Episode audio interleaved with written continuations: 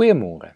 Ons dink hierdie week na oor herlewing in ons lewe en in ons verhouding met die Here.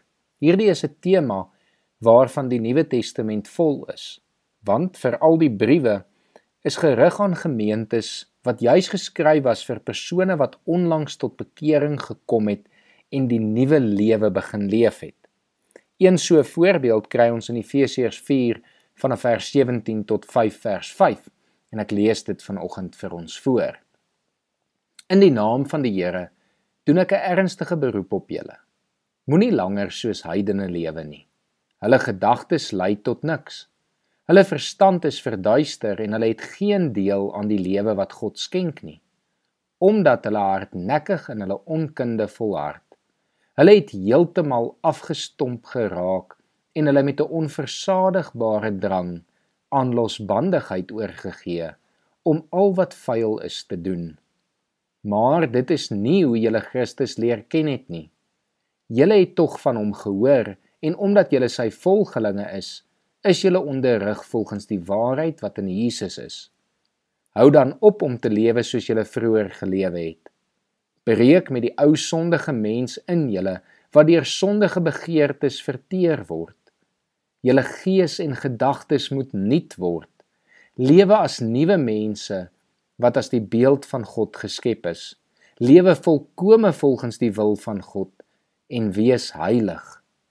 Nou dat julle die valsheid afgelê het, moet julle onder mekaar die waarheid praat, want ons is lede van dieselfde liggaam. As julle kwaad word, Moenie sondig nie en moenie 'n dag kwaad afsluit nie. Moenie die duiwel vatkans gee nie. As iemand 'n dief is, moet hy ophou steel. Hy moet deur harde werk op 'n eerbare manier self in sy lewensonderhoud voorsien. Dan sal hy iets hê om vir die armes te gee. Vuil taal moet daar nooit uit jou mond kom nie. Praat net wat goed en opbouend is volgens die eis van omstandighede sodat dit julle hoorders ten goeie kan kom en moenie die Heilige Gees van God bedroef nie want hy het julle as die eiendom van God beseël met die oog op die verlossingsdag. Moet nooit verbitter of opvleend wees of woedend word nie.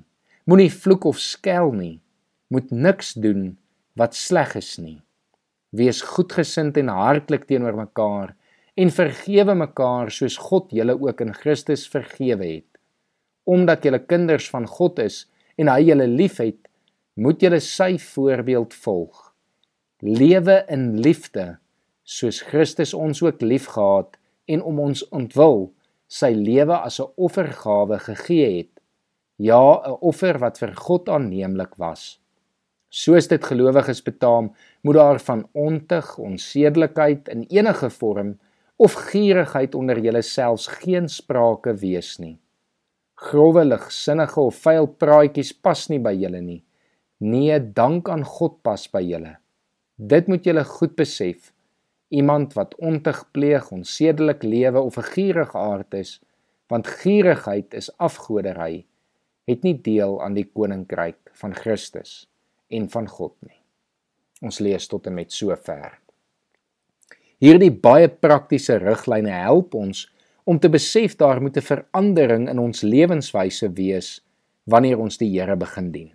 Ons kan nie meer lewe soos ons vroeër gelewe het nie.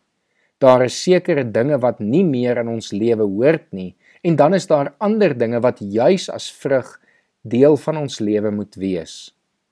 Vat vanoggend 'n paar minute en gaan maak 'n lys van die dinge wat nie in jou lewe hoort nie.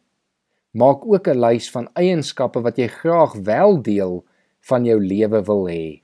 En voor jy dit begin doen, gaan bid hieroor en vra die Here om vir jou te openbaar wat sy wil in jou lewe is, wat hy wil verander sodat jy 'n nuwe lewe vir hom kan leef.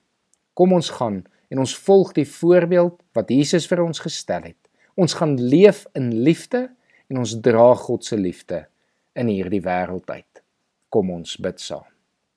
Here baie dankie vir hierdie praktiese riglyne wat ons vanoggend tot ons beskikking het. Here om op 'n eenvoudige manier weer te kan besef wat U wil is, Here, en hoe ons moet lewe, wat ons moet doen en wat nie. Here kom help ons ook in ons eie lewens.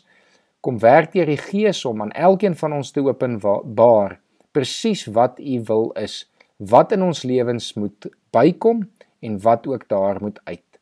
En ons vra dit in Jesus se naam. Amen.